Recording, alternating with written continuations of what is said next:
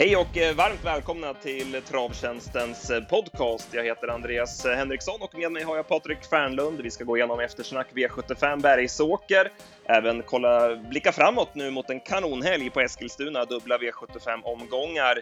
Jag och Patrik såg snabbjobb på Solvalla i onsdags, Rolling Stones och en mycket spännande tvååring, så häng med!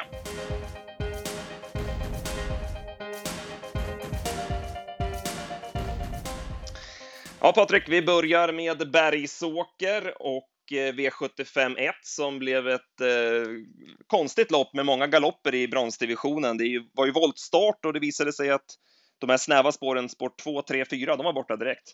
Ja, det blev eh, väldigt eh, mycket galopper som du säger där och Alexis Cubano fick det inte att stämma. Såg spänd ut i travet hela vägen och Bolt Bocco hoppade lite överraskande men ja, så kan det bli. Unik Jul höll upp ledningen men kunde inte riktigt freda sig till slut.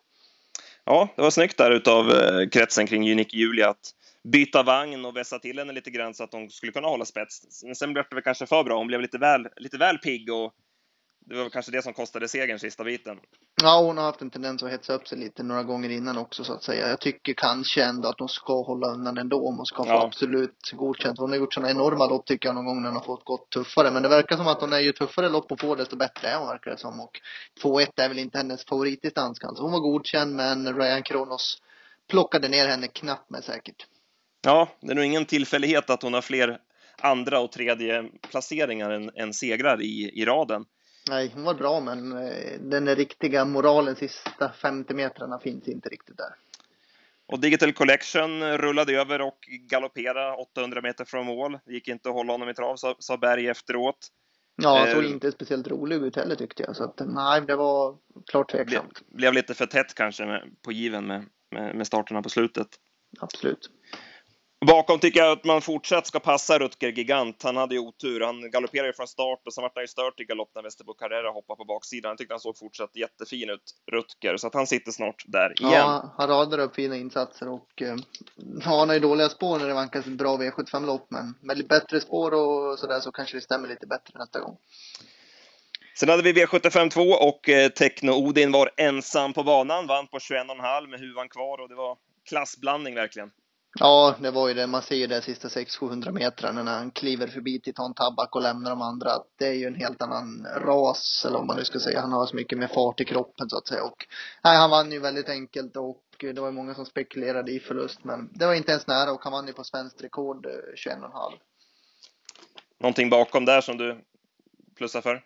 Jag tyckte Norheim gick bra. Erik körde ett lugnt lopp med, eh, med honom så att säga. Och sen framförallt Höst på Uffe som var väldigt laddad. Inte ofta Thomas Pettersson ligger raklång i vagnen så att säga. Men han fick släppa ledningen. Fick iskall rygg hela tiden men gick i målen sparat. Höst på Uffe vinner väl något sånt här vanligt lopp på Gävle eller Bollnäs framöver. Sen hade vi V75 3, det var gulddivisionen och eh, Rocky Winner från Team Westholm vann loppet från utvändigt om ledande Quid Pro Quo som vi måste säga var en stor besvikelse. Ja, det var han och uh, värmningen var tveksam där. Svante sa ju det efter värmningen att han var inte alls nöjd med honom. Erik valde ändå att köra i spets för han tyckte att andra provstarten var så pass bra. Såg stenklar ut runt sista sväng men Rocky Winner plockade fram skallen och Jorma sa det efter loppet att när han ryckte norsken då hände det grejer alltså. Han... Ja, han såg slagen ut runt sista sväng men Ja, för Jorma, hade, norsken, så. Jorma ryckte båda snörena där mitt i sista sväng och uh, han stred tappert hela vägen in mot mål och senast han vann i Sverige faktiskt, det var ju också från döden så. Verkar vara bästa positionen kanske för hans del då. Är det final nu och sen Frankrike som är tanken eller? Jag skulle tro det blir Frankrike direkt faktiskt med lite okay. reservation. Men jag skulle tro det för att han har ett bra program där framöver här. Men jag skulle tro det i alla fall. Bomek trodde vi en del på. Vi plussade ju kraftigt för honom i podden nu som han såg ut i lördags, men det var inte alls samma intryck nu. Han kunde inte öppna lika bra från start. Och sen galopperade han ju på upploppet som, eh, som slagen. Fick visserligen gå en åtta speed i tredje spår, så det var inte så mycket att säga om. Det var ju opassande kört, men han såg inte lika fin ut som förra veckan. Nej, och han, nu var han sådär lite stegig och sökande i travet igen. För gången innan var han ju otroligt mycket finare. Men ja, det kanske var bättre då när han sprang på innerspår så att säga. Men jag håller med dig, det var inte alls samma intryck på honom den här gången. Det är väl feelingen att eh, Quid Pro Coder trivs bäst i rygg numera. Eh, han körs ju knappast i ledningen i, i finalen som det känns just Nej, nu. framförallt över 2-1 också. I 1600 då kan han nog sprinta på det framme, men över 2-1 så ska han nog gå i ryggar. Sen hade vi lärlingsloppet och eh, det var rätt stökigt. Det blev en omstart här. Det var flertalet ekipage som var dåligt anslutna bakom bilen. Ja, det verkar vara svårt att räkna till 60. Hur kommer det sig, tror du, att det var, att det var så pass många ändå som inte riktigt var med? Eh... Alltså det kan vara så där, många kuskar som kör de här loppen, de är lite nervösa, lite spända.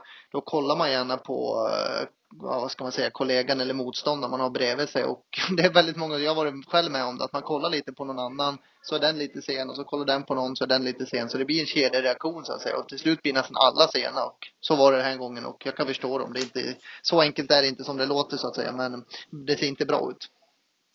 Nej, det blir ju ingen, ingen bra reklam för lärlingarna heller när de får chansen på V75. Nu ska vi säga också att det är väldigt många proffs som gör så kallade flygande starter, men det här var inget sånt, utan det här var mer att de kollade nog på varandra lite grann och sen var nästan allihop sen och nej, det såg inte bra ut så att säga. Och för Balero Meras så var det ju inte bra. Han eh, vart ju lite väl pigg utav av det hela och Sen var han ju urusel från, från dödens måste man ju säga. Ja, han vart ju jättepigg i omstarten och jag fick information där från eh, kollegan Mattias Panta att han slog i vagnen faktiskt i omstarten. Det var det som gjorde att han vart så extremt laddad och eh, han drog iväg i 600-700 meter i full fart innan den giltiga starten. Sen eh, körde kusken offensivt men hästen var inte alls bra och det var väl inte den här uppladdningen man ville ha inför V75-finalen. Nej, precis. Eh, och Be Spontaneous där fick öppna tufft för ledningen. Eh, det var en het häst som spetsade och sen körde Frank järnet för att ta över och det var nio första fem och elva på varvet och sen var, ju, sen var det kallt. Ja, det var alldeles för tufft och eh, det var tackade Karin Nilsson för som slängde pisken i luften med Magic Number när hon gick förbi där i kort mål. Ja, hon körde, körde snyggt och hästen avgjorde på bra sätt. Det var ju barfota nu igen och det är ett klart plus man, man ser ju också att sport, sport 13 är ett betydligt bättre spår än till exempel 11 och 12 i en sån här sporttrappa. Eh, det var ett tydligt exempel här. Ja, man får ju, man sitter där i sitt andra spår och kan hästarna framför öppna rätt bra, då kan man med lite tur faktiskt sitta i fjärde, femte ytter och spår 11 och 12 är betydligt sämre så att säga när det är 15 hästar. V75 5 och favoritseger. Salong var bara bäst. Eh, Örjan körde fram utvändigt ledan varvet kvar och sen var det ren uppvisning och Love You-sonen blir bara bättre och bättre som, som Love You-hästarna också ofta blir. Ja, jag jämför den här lite med, drar lite paralleller med en annan favorit så jag har, Shiraz Brodde. Jag tycker att han är också en Love You-häst som blir bättre och bättre och stora och rejäla hästar så att, ja, det är svårt att inte gilla de här fina Love You-hästarna. Kul för Thule Jonsson också som har fått fram en ny stjärna och han är inne på att den här kan vara den bästa han har haft. Ja, det var jäkla intryck om man får säga så. Och eh, det var inget bra lopp, det ska vi inte säga. Men eh, Salong behöver inte skämmas för sig. Han duger gott även i en V75-final. Det var väl Financial Secret som vi gillade bakom, spurtade ju riktigt rappt efter sent fritt. Eh, ja, det, det är en häst man har haft på bevakning länge och Mattias Djuse sa det efter loppet att han kändes grymt fin. Så vi passar upp honom framöver då. Ja, det lär väl bli final för honom också, så det kanske kan vara en, en rolig outsider i finalen om inte annat. Absolut. V75 6 och eh, här var det full körning från Ante Lisell och Blue Rocket, helstängt huvudlag och det blev 7,5 första fem och 10,5 på varvet.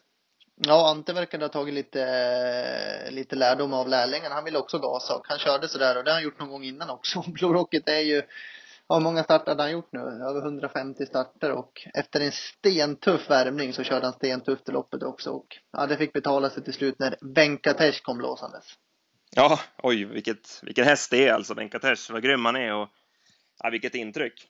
Ja, det är inte så många hästar som stenpullar i 10-11 tempo och sen går runt dem på det där sättet. Så han är ju väldigt strulig så att säga, men de dagar han är på det där humöret då är han oj, oj. Det blir spännande att se mot Sauveur nu i finalen då. Ja, vem, tror du, vem tror du är bäst? Rolig, rolig match. Vem tror du är Nej, bäst? Jag, jag tror nog Sauveur är, är, är bättre. Speciellt över full väg. Men får den här rätt lopp och smyga med i ryggar så är han inte lätt att stå emot. Ja, vad synd du sa det, för annars hade vi kunnat haft ett lunchsvar, för jag är säk nästan säker på att så var det bättre. Men ja, nej, den här är häftig han också.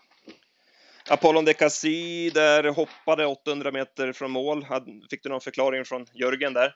Ja, han hoppade flera gånger i loppet och eh, jag tror att efter första galoppen blev han lite spänd tror jag. Så att första galoppen var nog att eh, han testades i enkarvagn men Jörgen hade ingen riktig förklaring på det så att säga. Han kanske blev lite för lätt i balansen där men ja, jag har ingen riktig förklaring, får väl kolla upp honom men han värmde jättebra och så i alla fall så att jag får ta, kanske ta det på oturskontot för det är en väldigt fin häst som kommer gå bra i Frankrike i vinter. V75 7 och eh, det blev Chelna Orlando från ledningen. Eh, riktigt kul här för den 19-åriga tränaren Lindenbaum här som, det var väl andra starten som tränare och han fick vinna V7. Ja, det var ju otroligt häftigt. Han är alltså född 1996 och ehm, ja, många tränare, de kanske gör flera hundra starter och aldrig får fram en V75-häst. Viktor här, han tog karriärens första V75-seger i sin livs andra tränarstart. Smaka på den. Ja, det är häftigt alltså. Och det var det... inget snack om saken. Han var ju, han var ju bara bäst och vann med norsken oryckt. Ja, han såg väldigt fin ut faktiskt. Det måste man säga. Och eh, bakom plussar jag för Viktor Ruda. Han har ju fortsatt knallform, skött till vast efter sent fritt. Absolut, den såg fin ut och nej, den, den varnade vi för och kommer följa upp för toppform på den kanten. Ja, om vi summerar då. Det var ingen, ingen bra speldag för vår del. Eh, vi räckte inte till den här gången. Eh, men nya, nya chanser i veckan som sagt med dubbla V75-omgångar. Om vi tänker på passa nästa gång då. Vi har pratat om, vi pratade om Viktor Ruda nyss och Rutger Gigant vill jag framhålla där också. Ja, då plockar jag fram två då. Höst på Uffe i kallblodsloppet och Financial Secret i sitt lopp. Det är två hästar jag tycker vi ska vara på bevakningslistan framöver. Ja, och sen eh, ska vi prata lite grann om i onsdags också. Vi satt ju på pressrummet på Solvalla och kollade snabbjobb och eh, mm. vi såg bland annat Rolling Stones gå 16-1600 meter, men nej, det var, en, det var inte riktigt den där Rolling Stones vi vill se. Han har svårt att hitta tillbaka till vad han en gång lovade. Ja, han har haft massa halsproblem och, sånt där och det är, det är svårt att komma tillbaka i den där klassen. Han har tjänat en och en halv miljon, ska tävla upp i guld och sådär. Nej, det är, det är nog tufft för honom att komma tillbaks. Men tvååringen, mm. Svante Båths Midnight Dreamer, den gillade vi skarpt. Eh, vi hade 16,5 vid 1400 meter med 13 sista fem och han såg verkligen läcker ut. Ja, och eh, jag var väl på stallbacken efteråt och eh, tog ett samtal med Erik Adelsson där och jag var väl smått lyrisk över hur hästen såg ut för det var ett otroligt eh, rejäl häst faktiskt och Erik sa att han tog inte till några superlativer men han sa att det var en väldigt fin häst och eh, han gillade hästen. Men jag tror att du och jag var mer imponerade än vad han var nästan. han ville dämpa det lite grann kanske. Ja, det var jag som rusade fram där och sa vad var det för häst, vad var det för häst? Så det kanske var jag som löpte lite fel, men han tyckte det var en fin häst och vi tyckte det var en jättefin häst. Mm. Eh, annars då ska vi prata lite grann om eh, V75 som kommer. Vi spelar in det här på söndag kväll och listorna är inte helt klara med startspår och så, men jag såg att en häst ska ut i bronsdivisionen på lördag som jag skrev upp som spelar nästa gång senast och det var Evens First Boy som spurtade strålande senast efter att Fleming, eh, som han gör ganska ofta, eh, släpar en bit bak i kön.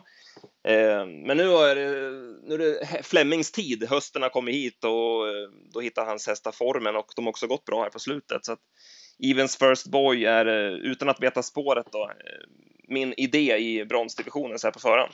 Mm, mm. Ja, det låter spännande. Har du någon sådär, jag såg att Ebony Boko skulle ut va, från Team Westholm. Ja, det är en jätte, jättefin häst som uh, vi håller väldigt högt så att säga. Nu var det ju, nu vart det ju det här loppet nästan det bästa på hela dagen. Det vart ju otroligt bra hästar med Day or Night In, Forni Boko, Kings Hörkir, Polykrates Face. Ja, det blev ett väldigt bra lopp men Ebony Boko var inte helt kurant senast men uh, som sagt var ett bra startspår vilket vi inte vet ännu då så att säga. Så ska han nog räknas men det var ett riktigt getingbo. Och sen har vi ju extra V75 på söndag med Breeders Crown-finaler. Eh, jag och Spante sa våra vinnare här i förra podden i måndags. Har du kollat någonting på listorna? Ja, du bad mig ju ta fram fyra vinnare så det var väl inte så svårt. Jag fick väl grotta ner mig där och säga mina vinnare. Ja, men jag tror att Treasure Kronos vinner treåriga Stonas uppgörelse. Det var ju en väldigt bra insats i försöket. Sen tror jag att Redley Express är eh, helt enkelt bäst. Heavy Sound var jättefin och är bra, men jag tror att Redley Express är bäst. Och sen tror jag väldigt mycket på Trinity Set i fyraåringarnas ston, Det är ju en blek årgång det där. Men Trinity Set vet jag att Daniel håller skyhögt. Det har varit massa strul, men nu hittade han rätt senast. Det är väl egentligen den jag tror mest på av de här. Och sen får jag väl säga, ja Nuncio, jag tycker inte han såg som bäst ut senast och jag hade innan det också haft lite tveksam kurva. Nu kanske det skulle bli en annat huvudlag, men jag drar till med Sorbet.